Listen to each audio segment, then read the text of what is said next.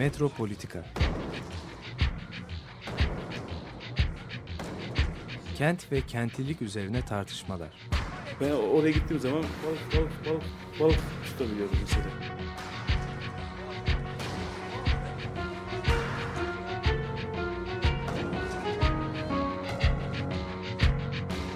Hazırlayıp sunanlar Aysin Türkmen, Korhan Gümüş ve Murat Güvenç. Takusuyor yani. kolay kolay boşaltamadılar. Yani elektrikçiler terk etmedi Perşembe Pazarı merkezinde.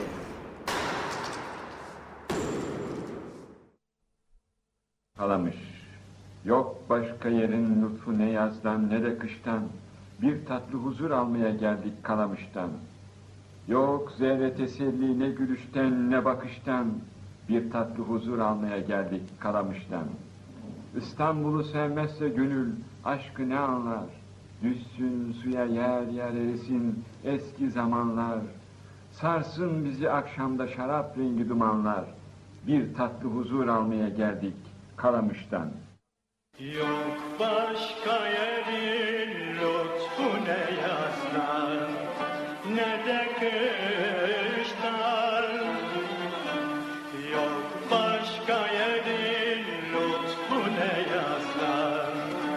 de kıştan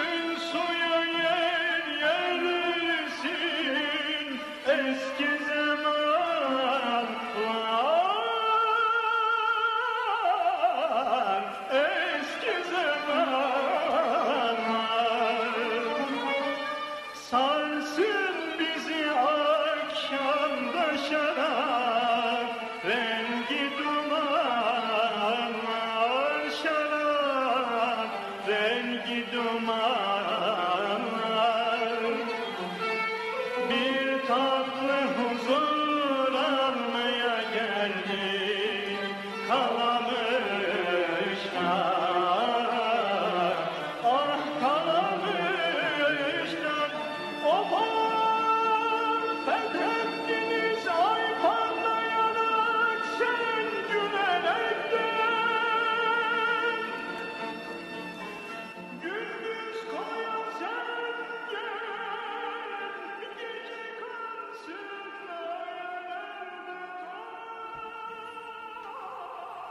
Metropolitika bu, bugün e, Münir Nurettin Selçuk'la başladı.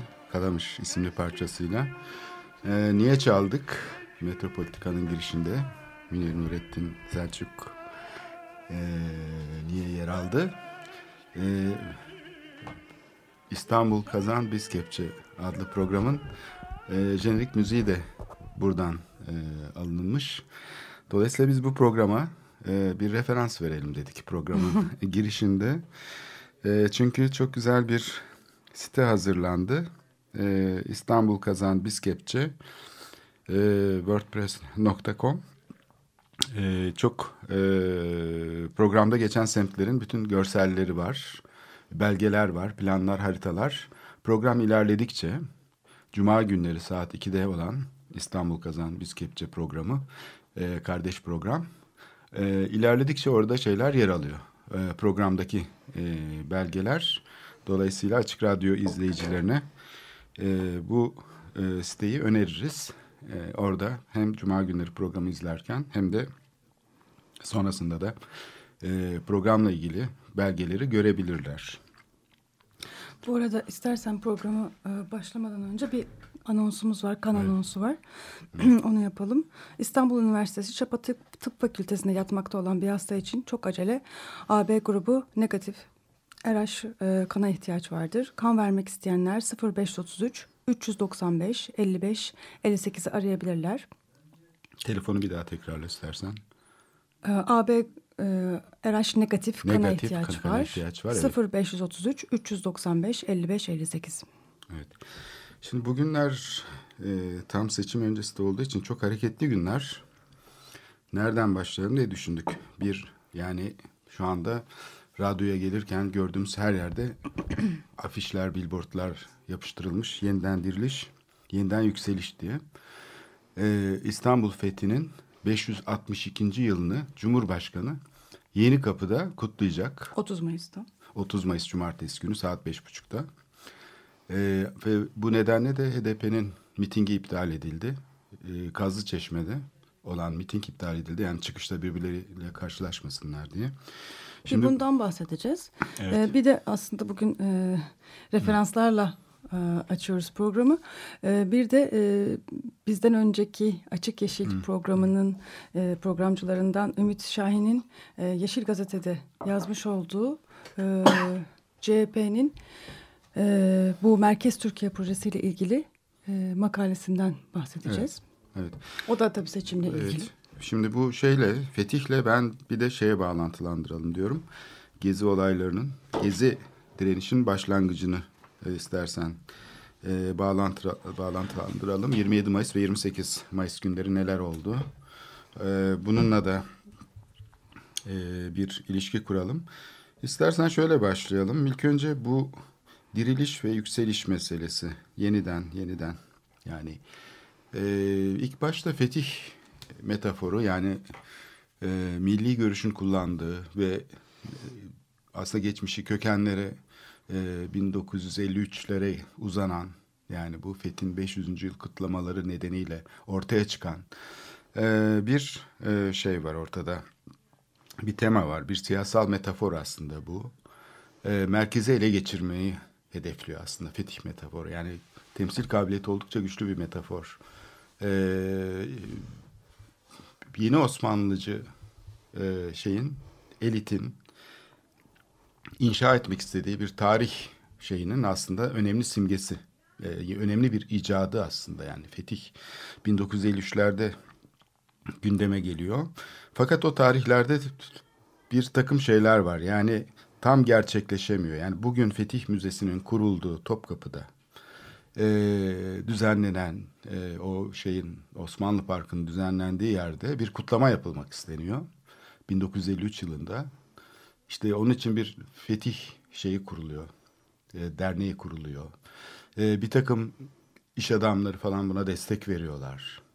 E, devletin içinde de çok güçlü bir kesim var. Geleneksel sanatlarımız ihmal edildi işte hep bu opera, bale falan gibi şeylere önem veriliyor.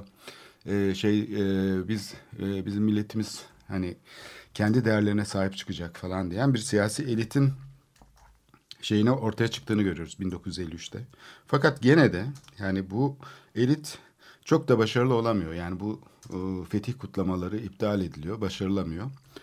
E, ta ki şeye kadar Refah Partisi'nin muhalefetteki e, şeyiyle güçlenmesi, yükselmesi, özellikle yerel yönetimlerde güçlenmesiyle birlikte e, fetih konusu, İstanbul'un fetih konusu e, birdenbire e, şeyin e, gazetelerin gündemine gelmeye başlıyor. Özellikle ben hatırlıyorum yani 94'lü yıllardan sonra 93-94'ten sonra e, işte Taksim'de kamyonet üstüne bindirilmiş böyle eski bir taka dolaştırılır.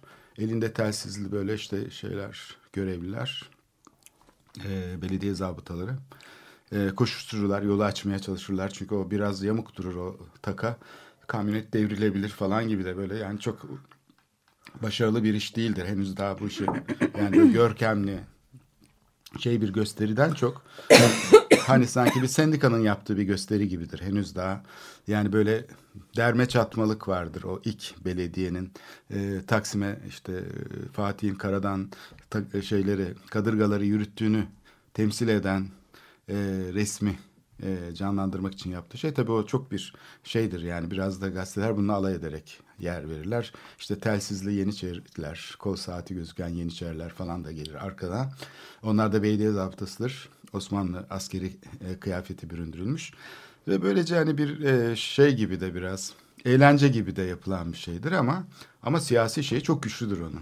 Yani merkezi ele geçireceğiz şeyini aslında temsil eder. Fetih.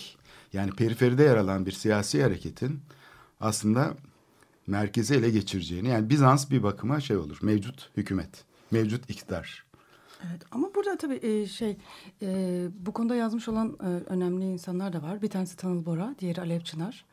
E, 1994 seçimleri bu anlamda hakikaten yeniden bir fetih olarak zaten e, söyleme söyleme böyle geçiyor. Neyin yeniden fethi? fethi? Yani Bizans'tan değil aslında orada.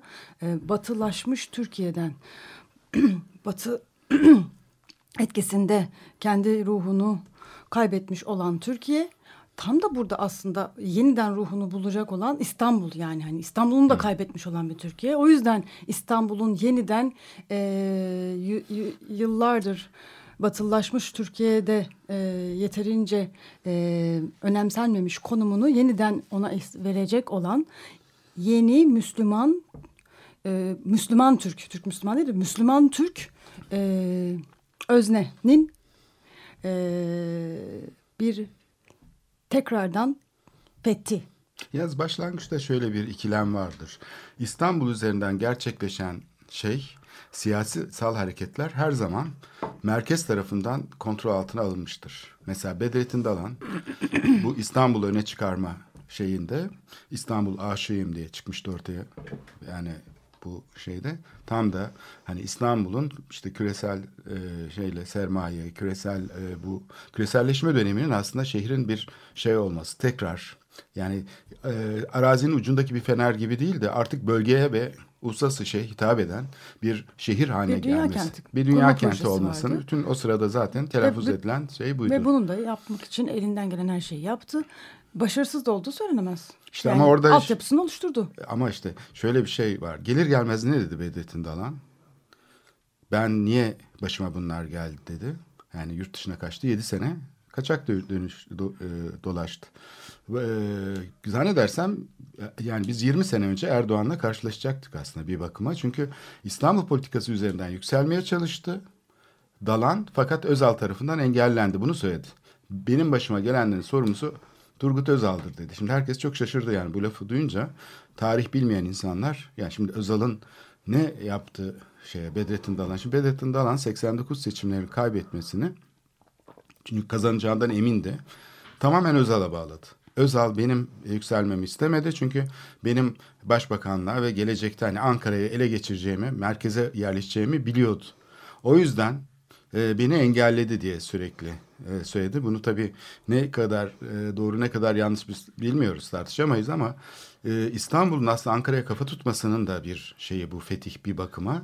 Çünkü o tarihlerde mesela 3. köprüyü yapmak istiyordu Ankara. E, Tayyip Erdoğan yönetimindeki e, İstanbul Belediyesi, Büyükşehir Belediyesi 3. köprüye karşıydı. Yani bir bakıma da İstanbul'u kendi kontrolü altında tutmaya çalışıyordu. Yani bugünkü gibi mesela Ankara'nın çok tam belirlediği E, bir değil. uluslararası e, platformda oynayacak olan bir finans merkezi ku- kurmak amacı ve bugün zaten hani yapılan AKP'nin projesi olarak bugün benimsenen şey o. Refah Partisi yani bu anlayışta değildi tabii Değil, ki. başlangıçta Bambaşka bir anlayıştaydı yani. Orada bir defa e, e, bu küresel ekonomiyle ilişkin e, enteresan e, çekinceler var. Yani ilk özellikle iktidara gelindiğinde hani yani bu kadar rahat değil. Dalan gibi ya da AKP iktidarı kadar rahat değil Refah Tabii. Partisi. Dolayısıyla da bu fetih törenlerinin o, o anlamda da başka bir şey var. Yani e, neoliberalleşmiş olan kent neoliberalleşmeye doğru e, adımlarını atmış olan Dalan'la birlikte olan kentle ilgili de bir huzursuzluğu dile getiren bir şey aslında o dönemki fetih kutlamaları. Evet. E, Refah Partisi bunu da temsil ediyor o anlamda. Evet biraz muhafazakar tınının da şeyi yani şehirdeki geleneksel e, şeyin e, canlandırılması, yeniden inşası, ihya Yani Müslüman edilmesi. Türklerin o dönemki Müslüman Türklerin aslında bir sürü e, psikososyal dinamiklerini dışa vurun o dönemki fetih kutlamaları. Yani bir yandan e, e, o gün şartlarında neoliberalleşen ekonomi ve şehire karşı bir tepki. Yani bir türlü adapte olamayan bu yeni düzenlemelere. Diğer yandan da hani e, bir İslami muhayyelenin içinde zaten ikinci sayılmış, dışlanmış, merkezden hep kenara itilmiş olanların biz merkeze geldik. Şimdi bizim şehrimizi yeniden fethetme zamanımız demek. Evet orada anakronik bir durum olduğu da söylenebilir ama merkeze gelmiş olarak kabul edersek ama henüz daha merkeze gelmemiş. Şimdi yani periferide çünkü henüz daha Taksim'e cami projesini mesela ortaya atmamış. Atamamış. Atamamış. Yani şimdi o e, Taka'nın e, kamyonete bindirilmiş Taka'nın Taksim Meydanı'nda tur atması şunu gösteriyor. Yani burası geçmişte işte solcuların mekanıydı. 19. yüzyılın kapitalizminin e, aslında şeyiydi. E, Cumhuriyet bunu sahiplendi. E, bu kapitalizmin bütün batılılaşma görüntüsünü sahiplendi. Operayı yaptı buraya. Biz şimdi buraya milli kimliğimizi veriyoruz. Ama inşaata, inşaatı açarak değil. Sadece bu takayı bir tane kamyonete bindirip dolaştırıyoruz. Hani o şeyin olduğu yerde Ee, böyle dönüyor. The Marmara'nın önden, AKM'nin önden geçiyor ve Tarlabaşı Bulvarı'na doğru uzanıyor. Dönüyor falan. O görüntü çok önemliydi o dönem Refah Partisi Belediyesi'nin e, Taksim'e yani tanklar manklar çıkarmak yerine hani şey e, bir kamyonet çıkarıp üzerine taka dolaştırma. Takayla birlikte bu kamyonetin orada tur atması. Yani bu işte bu mekan bizim demek için de önemliydi. Ama oradaki şey de çok acayip. Yani bir yandan da senin de e, programın başında bahsettiğin gibi bu ciddi bir şekilde dalga geçildi. Çok çok. yani bir türlü aslında e, o yani şimdi e, Beceremediler yapılması gibi. beklenen Evet. e, o şaşalı neoliberal ihtişamlı kenti bir parçası olarak bunun olması da yani imkansızdı hani bu tür gösterilerin. Aslında e, AK Parti'nin o, o anlamdaki en önemli özelliklerinden bir tanesi iktidara geldikten sonra bu tarz gösterileri tamamen hasır altı etmesi. Yani oradaki potansiyeli ve heyecanı yok etmeden bambaşka şeylere dönüştürmesi. Refah Partisi'nin e, o aslında e, iktidara gelen bir sürü sosyodinamik e, duygularını ve e, e, yap, ekonomik sosyal altyapısını bambaşka bir şey. Neoliberal şimdi- kentin, neoliberal e, ekonomik sistemin ihtiyaçlarına uygun şekilde düzenlemesi. Aslında e, en büyük başarısı da bu. Bunu e, Cihan Tugal e, çok güzel yazıyor. E, pasif devrim olarak adlandırarak bunu anlatıyor. E şimdi sen şunu söylemek istiyorsun. Ben şimdi günümüze birazcık daha dokunarak söyleyeyim ya da cumartesi gününe. Demek istiyorsun ki Tayyip Erdoğan'a ey Tayyip Erdoğan niye yeni kapıda kutluyorsun? Gel Taksim'de yap bu işte. Mesela değil mi? Fetih törenini geçmişte Taksim'de yapan iktidar kendi kendini deplase etmiş oldu. Yani daha önce Refah Partisi 94-95 yılında Taksim'i şehrin merkezini bu şey için kullanırken bu metaforu e, sahnelemek için kullanırken niye şimdi yeni kapıya gidiyor? Onun yerine billboardlara koymuşlar. Onun yerine işte oraya buraya tarla başına falan her tarafa billboard asmışlar. Yani raketlere koymuşlar. Yeniden diriliş, yeniden yükseliş. Fethin 163. e, 162. yılını kutluyoruz. 562. yılını kutluyoruz. Eskiden olsaydı oralardan takayla geçerlerdi. Arkasından mehter takımıyla geçerlerdi. Onun yerine mehter takımı belki yeni kapıda olacaktır ama şehrin merkezinden şeyden uzak gene taşıma e, insanlarla yapılacak bir mitinge dönüştürüyor. Yani AKP'nin kendisi de aslında e, kendi içinde bu fetih meselesini dönüştürdü dediğin gibi. Yani bunu artık bir şeye Daha formal bir dinamik. formel bir siyasi şeye e, kod içine soktu. Peki o zaman gene kazıma yapalım. Yani Ee, bir de burada hani bu formal e, şeye sokarken yaptığı en önemli şeylerden bir tanesi de Fetih Müzesi e, programlarımızda e, bayağı e, birkaç kere konuşmuştuk bu konuyu. E, bu e, Topkapı Gezi e, Parkı, Topkapı Gezi Evet Parkı. evet ismini aynen öyle diyor. Şey e, ben hem Kadir Topbaş hem Tayyip Erdoğan birlikte açtılar biliyorsun. Yani Çok epey büyük bir park. Yani 94'te başladı, 95'te başladı. Aslında şöyle başladım. 28 Şubat sürecinin bir alternatif projesi bu. Çünkü e, Taksim'e camiyi yapamayınca e, tam da bin- 1953'te gerçekleşmeyen olan, gerçekleşmeyen kutlamanın yerinde bir Osmanlı Parkı inşa ettiler. Ve bu parkın tam ortasında da ben parkın zaten e, belki de en e, çekici e, noktası olarak inşa edilen 1453 Panorama Fetih Müzesi. Evet. E, İstanbul'un Fethi Müzesi var. Ve burada hakikaten e, çok ciddi bir şekilde buranın çekici olduğunu e, yansıtacak. Yani e, bir şekilde sanırım iktidarla da bağlantılı olarak, belediyelerle bağlantılı olarak çok ciddi bir e, izleyici getiriliyor. E, yani çekim e, alanı, cazibe merkezi haline de getiriliyor burası. Transfer Yani mesela, merkezi haline geldi e, burası bir. Aynı zamanda. Tramvay durağında bu e, tramvay durağının ne denir ona? Hani plaketinde e, müzenin e, konumu var. Mesela bu önemli bir şey mesela hani İstanbul'daki herkesin görmesi isteniyor demek yani. Böyle bir Her şekilde. tarafta da müzenin şeyleri var. Tanıtım Evet. e, pankartları asılı. Yani Kabataş'ta var, işte başka yerlerde var. Yani bütün Bağcılar'da var. Herkes oraya yönlendirilmesi için yani özellikle toplu taşıma alanlarında sürekli Fetih Müzesi'nin reklamı yapılıyor. Şimdi burada çok çok önemli bir şey bu söylemiş olduğun mesele. Yani aslında işte e, tarihi İstanbul Bizans'ın için var, fethedilmek için var zaten bizim tarihimizde. O tarihi İstanbul'la e, kuzeye doğru gelişen kapitalizmin dönüştürdüğü İstanbul, Pera ve işte Şişli'ye daha sonra uzanan tarafla olan bu şey iki çekişme şeyi aslında bir şekilde Fatih Harbiye. Ha? Fatih Harbiye evet stabilite kazanıyor.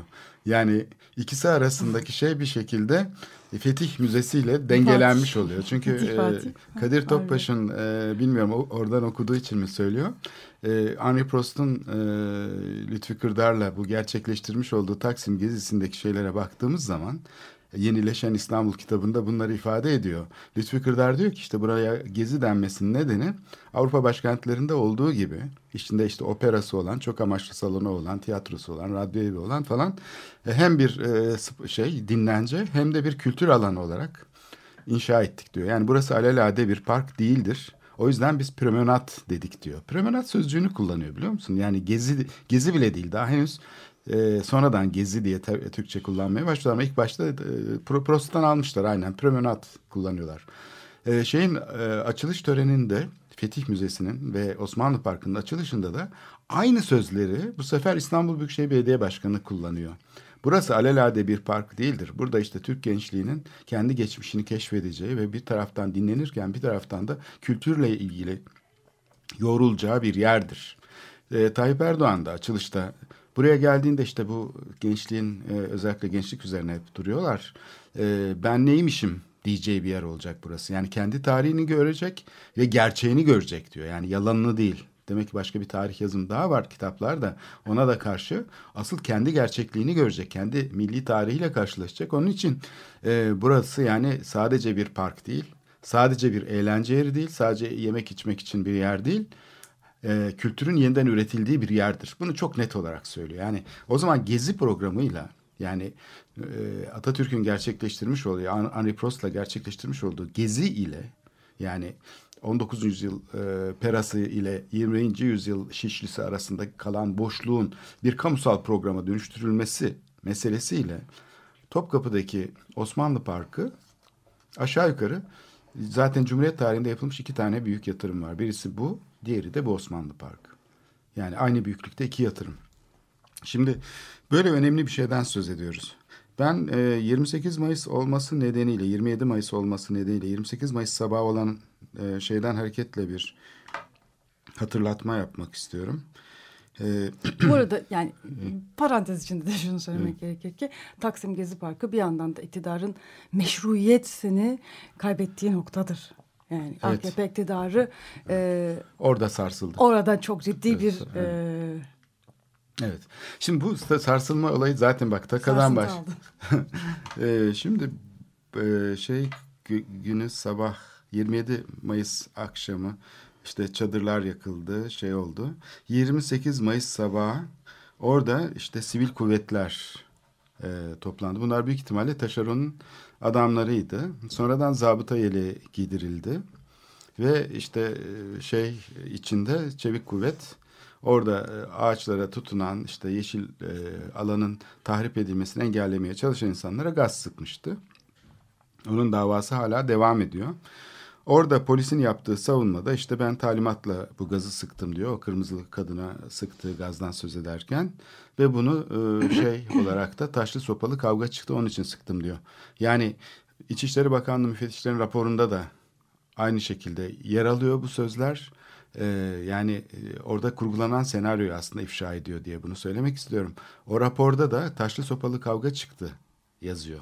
Oysa ki öyle bir durum olmadı. Oradaki insanlar zaten hani kavga falan edecek insanlar değildi. Sadece ağaçlara tutundular ve e, o tutunan insanları savuran, koparan, betonun üstüne atan, başını fotoğraf makinesini parçalayan falan şiddet gördüler ve gaz sıkıldı. Ee, orada yaşlı bir kadın gaz sıkan polise evladım bunu niye yapıyorsun ayıp değil mi falan diye soruyordu. Arkada o 60 tane sivil e, insanı kışkırtarak insanların üstüne sürmeye çalışan fakat onlar da çalışan oldukları için zavallılar hani böyle bir eğitim de almamışlar. Ne yapacaklarını bilmeden öyle duruyorlardı. Yani güya siviller arasında bir kavga çıkacaktı. Bir kısmı o müteahhitin adamı olduğu için onlar da e, kavgaya katılacaklardı ve böylece de polis müdahale edecekti. Fakat onlar öyle bir duruma e, giremediler bir türlü ve o yüzden de arkadan onları kışkırtan bir adam vardı. Yani sürekli gaz sıkan polise de gaz sık gaz sık diyen arkadan da bu adamları şey halkın üstüne e, saldırtmaya çalışan fakat bir türlü bunu başaramayan bir kişi vardı. O da İstanbul Emniyet Müdür Yardımcısıymış. Sonradan e, ben buraya gel konuşalım falan deyince e, yanıma geldi ve ben işte İstanbul Emniyet Müdürü yardımcısıyım. Operasyonu ben yönetiyorum dedi bana böyle kızgın bir şekilde. E, kültürümüz farklı değil mi? Biz anlamıyoruz falan gibi de bana bir laf attı. Yani böyle hani siz sahipleniyorsunuz siz işte yük, e, şeylersiniz. İşte e, biz anlamayız değil mi? İşte biz e, yoksunuz. Kültür elitlerisiniz. Ha siz kültür elitleri biz işte şey e, alt sınıflar. Öyle bir ideoloji içinde olduğunu ben fark ettim. İstanbul Emniyet Müdür Yardımcısıymış. Şimdi bu ilginç bir e, karşılaşma. Yani bu iki tarafın aslında Taksim'de nasıl karşılaştığına dair bir geleneksel, geçmişten gelen bir hafıza olduğunu gösteriyor. Yani bu e, şey polisin bu şekilde emniyet hem de üst düzey bir polis şeyinin böyle bir ideolojik şeyle ve bagajla oraya gelmiş olması ve bunu yukarıdan aldığı talimatla yapmasını meşrulaştıran bir kafasında bir düşünce var. Yani bunlar e, bizden değiller. Buraya bizi sokmak istemiyorlar. Belki de öyle düşünüyor. Ve kendisinin kamu olduğunu unutuyor. Kamu görevlisi olduğunu unutuyor. Polis olduğunu farkında değil. Orada yasa dışı bir iş yapılıyor. Ona müdahale etmek ve insanları güvence altına almak yerine Oradaki sivil insanları oraya getirmişler. Bence bu çok büyük bir skandaldır. Yani e, Gezi'deki en büyük skandallardan biri sivil insanları çatıştırmaya çalışması kamunun. Bu çok tehlikeli bir şeydi. Yani oraya 60 tane e, insanı getirip e, ağaçları koruyacağın işte çok az sayıda olan insana saldırtmaktı asıl amaçları. Ama bunu başaramadılar çünkü e, o saldırması gereken insanlar karşılarında öyle bir topluluk görmediler. Şiddetle alakası olmayan insanlar olduğu için iki taraf birbirine giremedi. Polisin asıl sorunu yani oradaki senaryonun Taksim'deki senaryonun çökmesine, çökmesine neden olan şey çatışma yaratamaması. Çünkü oraya getirilen yani insanlar... aslında tanımladıkları kültür eliti e, o tanıma uymadı. Evet solcu olması gerekiyordu. Onlar işte ellerinde Molotov kokteyli olması gerekiyordu. Taş atmaları gerekiyordu ki öbür tarafta mazlum Türk halkı bunlar da işte çalışanlar müteahhitin e, zaten hani bindirme kuvvetleri. Onlar da onlara karşı cevap vereceklerdi ve orada bir çatışma çıkacaktı. Taksim böylece e, bir çatışma alanı olacaktı. Oysa hiç öyle bir şey olmadı. Çünkü tamamen e, şeye sahip çıkan e, yeşilliklere sahip çıkan oradaki ağaçların kesilmesine karşı çıkan e, şey bir topluluktu. Yani e, o kadar yanlış bir hayal görmüşler ki yani bu olayı tezgahlayanlar, bu çatışmayı yaratmak isteyen ki İçişleri Bakanlığı müfettişlerin raporunda da bu ifşa ediliyor. Taşlı sopalı kavga çıktı, polis müdahale etti şeyi. Hiç öyle bir şey olmadı. Doğrudan doğruya polis saldırdı. Zaten oradaki insanlar oturuyorlardı. Gece saldırı yapıldığında da oturuyorlardı. Ondan sonra da oturdular. Şimdi, şimdi bir kere böyle bir e, şey var. E, e, referans yapalım. Yani e, bu fetihle birlikte aslında Taksim gezisinin fethi meselesinde de e, başarılı olamadı. Çünkü bindirme kuvvetler, polis kuvveti, valilik talimatı her şey birbirine bağımlı. O projeyi yapan mimar, o ulaşım projesini çizen mühendisler hepsi bunlar bir bağımlı tepeden bir kişinin verdiği emirle işlerini yaptıkları için karşısında duran bir bağımsız e, topluluk ufacık bir şeyle bu sistemi e, anında çökertmiş oluverdi bir anda. Ee, istersen bir e, kısa müzik arası verelim. Hindi Zahra'dan dinliyoruz. Homeland albümünden e, parça Silence. Thank.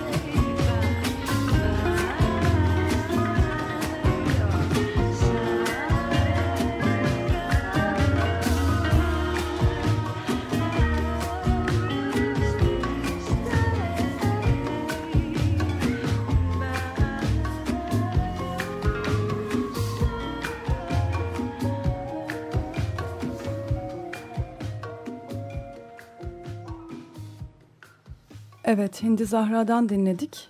E, Homeland albümünden Silence adlı parça. E, bu e, kan anonsumuzu tekrar yapmamızı e, düşünüyoruz. Ee, İstanbul Üniversitesi Çapa Tıp Fakültesi'nde yatmakta olan bir hasta için çok acele e, AB RH negatif kana ihtiyaç vardır. AB RH negatif kana ihtiyaç var. Çapa Tıp Fakültesi'nde yatmakta olan bir hasta. Kan vermek isteyenler lütfen 0533 395 55 58 0533 395 55 58'i arayabilirler. Teşekkür ederiz. Ben bu FET'in formalleştirilmesi üzerine son bir şey söylemek istiyorum. 2002 yılında yani 2003'te yerel seçimler var. Ee, İstanbul Büyükşehir Belediyesi e, bir kampanya hazırladı. FET'in 550. yılında 550 proje diye. Yani bu formalleştirmeyi ilk orada gördük. Şimdi Erdoğan'ın raketlerdeki gibi 562. yılı Fethin diye. O zamanki BD başkanı ki Erdoğan'a rakipti aslında Ali Müftü Gürtün'a. 550 projeyle müteahhitleri kendi yanına almak istedi ve 5, Fethin 550. yılını kutluyoruz diye muazzam bir kampanya yaptı. Aslında bu bir seçim kampanyasıydı. Aynı bugünkü kampanya gibi. O da çaktırmadan yani Fetih üzerinden seçime hazırlık kampanyasıydı. Ve onun e, ön, baş projesi hangisiydi? Bir numaralı projesi. Tahmin et. 550 projenin en büyüğü, en simgeseli Taksim Gezi projesiydi. Yani bu Taksim'e yapılacak olan tüneller fakat üzerinde şey yoktu. AVM olabilirdi ama cami yoktu artık. Yani böylece Ali Gürtün'a ehlileştirilmiş bir Taksim projesi hazırlatmıştı. Dalış tünelleri zaten çok eskiden hazırlanmıştı. Üniversiteler tarafından hazırlanmış bir projeydi o. E, dalış tünelleri ve işte otoyol. Bütün İstanbul'un bütün meydanlarını zaten aynı şekilde tasarlıyordu o sırada teknik insanlar. Dolayısıyla Taksim'deki o insanların ölmesine yol açan proje aslında bir ulaşım projesidir her şeyden önce. Yani Divan Oteli'nin öndeki bağlantı kısmı da ağaçların kesilmesine de yol açan. Fakat üzerine AVM yapılması çok eskiden beri var yani. Ee, benim öğrenciliğimden beri hep üstüne bir AVM yapma ve bir işte dalış tünelleri. Ee, Refah Partisi onu bir çemberle e, camiye çevirmişti. O tepki almıştı. Tüneller zaten teknik bir konu olduğu için hiçbir zaman tartışılmadı. Bilimsel bir konudur. Tartışılmaz diyorlardı bize. O zaman 2002 yılında muazzam bir e, tepki oldu o projeye. Ve o yüzden o 550 proje çöktü o zaman. O zaman da çöktü. Ve e, şöyle oldu. O yüzden e, Gezi'nin içindeki on binlerce otomobil park ediyordu her sabah oraya. O otomobiller oradan atıldı. Ve o yüzden İstanbul Emniyet Müdürü istifa etmek zorunda kaldı. Böyle bir e, şey var orada. E, sürekli bir kaynayan bir kazan gibi düşün. Yani Gezi üzerine yapılan her şeyde mutlaka bir şeyler oluyor belediye ile valilik arasında meydan savaşının çıkmasına neden oldu. Çünkü otomobiller oradan atılınca bu sefer valilik belediyeye ait yerleri kapatmaya başladı. Ee, bunun sorumlusu olarak da İstanbul Emniyet Müdürü görüldü falan. Yani çok enteresan şeyler oldu o 2002-2003 yılında. Tam böyle e, işte AKP'nin kuruluş yılıydı. Bir takım belediye e, seçkinleri, bürokratları da o sırada AKP'nin taşıyıcı kişileri oldular. Yani sonradan bakan oldular, hükümete geçtiler falan. O bürokratlar o sırada bir tercih yapmak zorundaydılar ve Fethin 550. yılını kutlamak çok iyi bir fikir gibi geldi onlara o tarihlerde. Fakat o Taksim projesi gene başarılı olmadı. Müteahhit oraya şantiyesini kurdu. Şeyler yaptı fakat sonunda bir taş kaplama işine dönüştü ve tünellerin kazılmasından vazgeçildi. Bu belki de bu sürekli bir yenilgiye uğradıkları yer olduğu için evet. programın başında sorduğun evet. sorunun cevabı Taksim'de değil de Yeni Kapı'da miting yapılıyor. evet değişti yani sonunda. Taksim'de bir türlü istenilen olmuyor. Evet. Bir türlü bir galibiyete ulaşılamıyor. Ee, bu anlamda şey e, bu mitingin adı da çok önemli. Yeniden diriliş, yeniden yükseliş. Yani evet. demek ki bir yenidenliğe ihtiyaç var. Evet. Bir e, fervor kaybı var, e, evet. bir e, enerji, bir heyecan kaybı var. Bunu söyledi Bunu zaten. Aslında Erdoğan. kendi de bizzat evet. söylüyor da Ayşe Çavdar'ın e, bu Başakşehir üzerine yaptığı antropoloji e, doktorasını yaptığı etnografisinde e, bahsettiği bir şey var. E, Başakşehir'de aslında bayağı ciddi bir zaman önce yani 2010 sanırım 2008-2009'da belki de yanlış söyleyebiliyor olabilirim e, tarihi. Başakşehir'de e, Erdoğan geliyor ve hani e, Başakşehir Erdoğan'ın en önemli projelerinden bir tanesi. Yani mimarı hani Başakşehir'in e, ve Erdoğan geliyor hiçbir heyecan yok. bir coşku yok, kutlama yok. Yani e, hani her şey ayarlanıyor ama halkın katılımı yok. Başakşehirlilerin ilgisi yok. Yani çünkü bambaşka bir sürece geçilmiş. E, aslında işte o yüzden de yeniden diriliş, yeniden yükseliş gibi yani bir e, şey. Tuhaf bir paradoks Slogan. var. Yani bu fetih metaforu metafor olduğu sürece çok kabi, e, şey taşıyor. Gerçeğe dönüşünce kaybediyor bütün cazibesini. Yani periferiye yani merkezden dışlanan insanlara henüz daha merkezi ele geçirmeden önce müthiş bir e, şey sunuyor. E, enerji veriyor. Değil mi? Yani merkezi ele geçirme şeyi içinde taşıyan bir metafor. Ama merkezi ele geçirmiş bir e, şeyin, gücün valilik eliyle mesela fetih törenleri düzenlemesi hiçbir anlam taşımıyor. Yani Cumhuriyet Bayramı törenleri işte şeyler olurken, askeri şeyler geçerken nasıl insanlar seyrediyorsa o kadar seyrediyor. Yani tamamen pasif bir izleyici haline gelmiş oluyor. Oysa ki fetih metaforunun ilk kullanıldığı tarihlerde bastırılmış olan, dışlanmış olan e, ötekileştirilmiş insanların, işte başörtülerin, e, şeylerin e, merkeze gelme, merkeze ele geçirme şeyi var. O yüzden geliyorlar Taksim'e. O yüzden Sultanahmet'te işte Ramazan şenlikleri yapılıyor. Şehrin merkezinde kendilerini göstermeye çalışıyorlar. Fetih öyle bir şey aslında. Yani merkeze doğru olan bir hareket. Ama merkezden çevreye doğru fetih yapıldığı zaman o zaman inandırıcı olmuyor. Yani bunlar gene kendi kendilerine bir şeyler yapıyorlar. Ee, bizi ilgilendirmiyor diyor halk. Oysa ki şeydeyken henüz yani muhalefetteyken İstanbul'un fethi e, o şey için e, kitle için çok önemli bir cazibe yaratıyor. Bir de bu e, bildiğimiz bir sürü e, politik e, söylemleri, dis, e, diskurları e, kullanıyor aslında fetihte. Yani işte e, Müslüman, Türk, Türk, Müslüman değişik değişik farklı farklı aslında. Müslüman, Türk söylemle Türk, Müslüman söylem de birbirinden benzese de farklı. Ha- Ama e, bilindik kodlarla hareket etmeye başlıyor. Heyecanda geçtikten sonra bunları kodlaştırıyor tabii. Bir- ve demin senin bahsettiğin bu e, hani mazlum olma, siz kültürelitesiniz, biz mazlumuz. Bütün bunlarla da hani yani o fetih yani Taksim'i fethetme gelişim var. Ama tam da senin e, demin anlattığın gibi bir anda bu çöküyor aslında. Taksim Tabii, Gezi'de tabii, bu tabii. çok ciddi bir şekilde aslında, Aslında dünyada da bu, çökmüş hep. e, Sadece Türkiye'de değil. tabii. Bu neoklasik e, devletler yani toplumu tasarlama ideallerinin üzerine kurulmuş bütün devletler çöktü. İkinci Dünya Savaşı'yla mesela.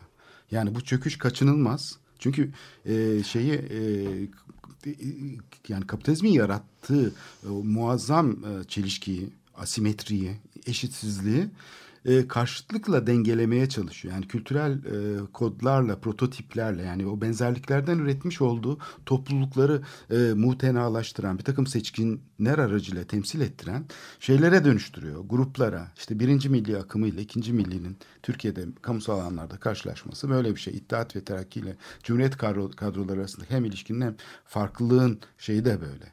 Bu dip akıntı haline geliyor. Diğeri hiçbir zaman bu çelişki ortadan kalkmıyor. Bugün de gördük işte yani sonunda kendi içinde yarılıyor hareket. Devlet içinde sürekli böyle bir şey kutupsallaşması yaratıyor. Yani bir e, devlet soyullarının işte bürokrasinin oluşturduğu bir toplulukla hukuk sistemini vesaireyi tanımlayan öbür tarafta da siyasi popülist e, işte şey yapan bu e, merkeze doğru taşımaya çalışan siyasi güç güçler. Bunlar merkezdeyken çatışıyorlar. Sürekli çatışma halindeler. Yani Cumhuriyet tarihine baktığımız zaman askeri darbeleri falan hep böyle okumak lazım. Tam bunun dışında başka bir politikliğin başladığı yani yani e, bu gezide e, hani özneleri hani bunu yaratan politik öznelerin bile fark etmediği kendiliğinden olan mu- Beklenmedik muazzam, bir beklenmedik şey. Bir, yarıktan bir yarık fışkıran çıktı. bir şey ortaya çıkıyor Ee, tabii. ben bunu yani e, tesadüfen e, yani hani e, oradan geçerken fark ettim hatta. Yoğurtçu Parkı'ndan biz bisikletle e, gidiyorduk. HDP mitingini biliyordum ama hani biz oraya doğru gitmiyorduk ama uğradık yani. Evet. Yani gözlem yapmak falan için de değil. Çocuğumuzu gezdirmek için Yoğurtçu Parkı'na gittiğimizde HDP mitinginin içinden geçtik. Coşku Hakikaten şey. yani çok o. bambaşka bir miting havasıydı. Yani Gezi'de hissettiğim o politik yem, yeni soluğu ben orada da hissettim. Hani özellikle bunu gözlemlemek için böyle bir amaçla gitmediğim bir yerde. O yüzden şaşırdım da. Hani HDP mitingi gerçekten bambaşka bir soluktu. e, tam da bu noktada yani aynı dönemde e, haberlere yansımış olan e, bu e, Cumhuriyet'in Merkez Türkiye projesinin de e, tam bu e, hani yıllardır tartıştığımız e, iktidarın e, bu projeci anlayışını e, hani gezi zihniyetiyle de tartıştığımız, e, eleştirdiğimiz e, noktada hani e, merkez e, muhalefetin merkez Türkiye projesiyle çıkması çok ciddi e, kafamda böyle bir e, e, sarsıntıya uğradım hakikaten. Yani, e, yani aslında hani Kuzey Ormanları programını tartışırken de e, CHP'nin buradaki projelere destek verdiğini duymak da böyle bir şeydi. E, ama e, bu yani başlı başına kendi projesi olarak buraya çıkması da e, hani beni e, derinden sarstı açıkçası. E, ve burada şey Ümit Şahin'in e, yazısından e, projeden çıkan sonuçları Ümit Şahin'in çıkardığı sonuçları okumak istiyorum. Yani önümüzdeki seçimde CHP iktidarı gel- gelirse yoluyla, betonuyla, köprüsüyle, havaalanıyla en azından 2020'ye kadar en az bir 5 yıl daha hatta aslında 2035'e kadar inşaata dayalı ekonomik büyüme dönemi yaşayacağız. Bunun AKP'nin ekonomik programından ne farkı var? Evet, burada bir süreklilik olduğu kesin değil mi? Hatta o yüzden de tartışma çıktı. Yani bizim projemizi çaldınız falan dedi şey. Ee, benim Evet. projemdi bu dedi Davutoğlu. Halbuki ne güzel yani şey olarak bakılsa mesela demokratikleşme veya çözüm süreci konusunda e, fikirler yarışsa derler ki o zaman hani ne güzel işte demek ki aklın yolu bir birlikte yapalım. Burada inşaatçılık olduğu için herhalde e, kavga çıktı bu yüzden. Ee, CHP'nin vizyonu ikinci sonuç yani büyük mega dev yatırımlarla dolu bir Türkiye. Ancak bu politikayla yani e, seçmeni etkileyebileceğini düşünüyor. İnsani ölçek, doğaya yakınlık, topluluk ekonomileri yok. Tamamen bir masa başı mühendislik ürünü. Üçüncü sonuç, Türkiye'nin Asya'nın, örneğin Çin'in imalat sektörüne yönelik bir dağıtım aktarım merkezi olmasının hedeflenmesi. Yeni vizyon, küresel kapitalist sistemle tam entegrasyonu öngörüyor. Yani e, hani burada çok ciddi e, muhalefet edilmesi gereken noktalar varken birebir bunu sahiplenip devamı olarak Ama bunun, ortaya koyuyor. bu projenin aslında öznesi kendisi değil. İlginç bir şekilde bu böyle bir uzmanlık projesi gibi yani siyasi bir özne tarafından tanımlanmış değil de Türkiye'ye dışarıdan bakan bir teknokrat öznenin sanki tanımladığı bir proje.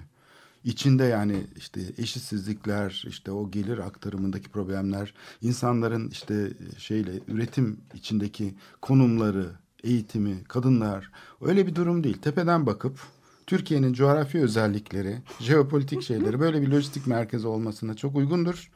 Bu fırsatı kullanalım. Asıl yani şeyi dışarıdan bakarak görev biçen, e, sanki Dünya Bankası uzmanlarının hazırlamış olduğu Kesinlikle bir proje onu gibi. söyleyecektim. Aynen öyle. Aynen Değil mi? Öyle. Aynen öyle. Ee, yani e, bir iki hafta içinde e, Dünya Bankası projeleri, dünyadaki projeleri ve Türkiye'deki projeler üzerine bir iki program e, hazırlamayı düşünüyoruz. E, tam bu bahsettiğin anlayışla düşünülmüş bir proje. Yani AKP iktidarının aslında bu projelerle de kendini bu şekilde tanımladığı bir gerçek. Şimdi e, bunu CHP'nin devraldığını, Hatta ben daha iyi daha da yaparım. ileri götürdüğünü. ben size daha az zorluk çıkarırım. Hani bugünkü iktidar e, alternatifsiz değil demek istiyor. Çünkü bugünkü iktidar sahiden e, bu şeyi süreci çok iyi kullandı. Ama kendi lehine de kullandı. CHP de diyor ki merak etmeyin hani alternatifsiz değilsiniz. E, bu küresel sermaye gelip benden de yararlanabilir falan gibi bir şey söylemiş oluyor aslında bu projeyle.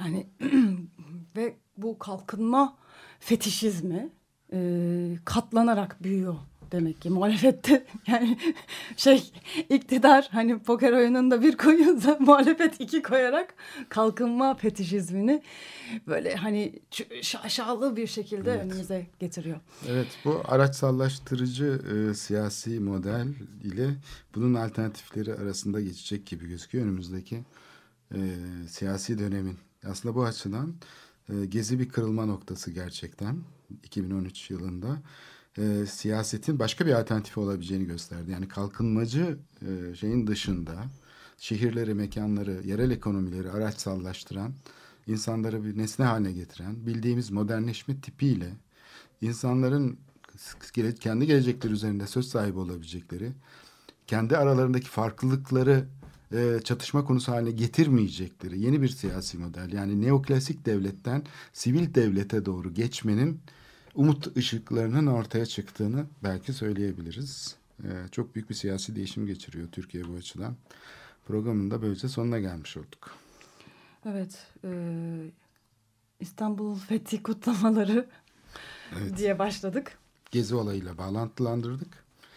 Ee, ve aslında tabii başka konular da var gündemimizde. Yassıada işte Haliç'te yapılacak tüneller vesaire gibi. Bunlar da e, bir taraftan tersaneler ilerliyor. Önümüzdeki haftalarda onlara da değiniriz. Ama e, bu iki konunun nasıl ilişkili olduğunu bir parça e, düşünmek için Değerlendirmeye çalıştık. önümüzdeki sürece gözlerimizi dört açıp bakalım diyorum ben. Evet. İyi haftalar diliyoruz. Hoşçakalın.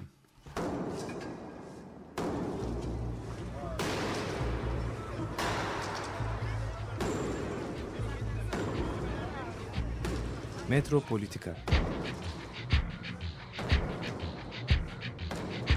Kent ve kentlilik üzerine tartışmalar. Ben oraya gittiğim zaman balık balık balık balık tutabiliyorum mesela.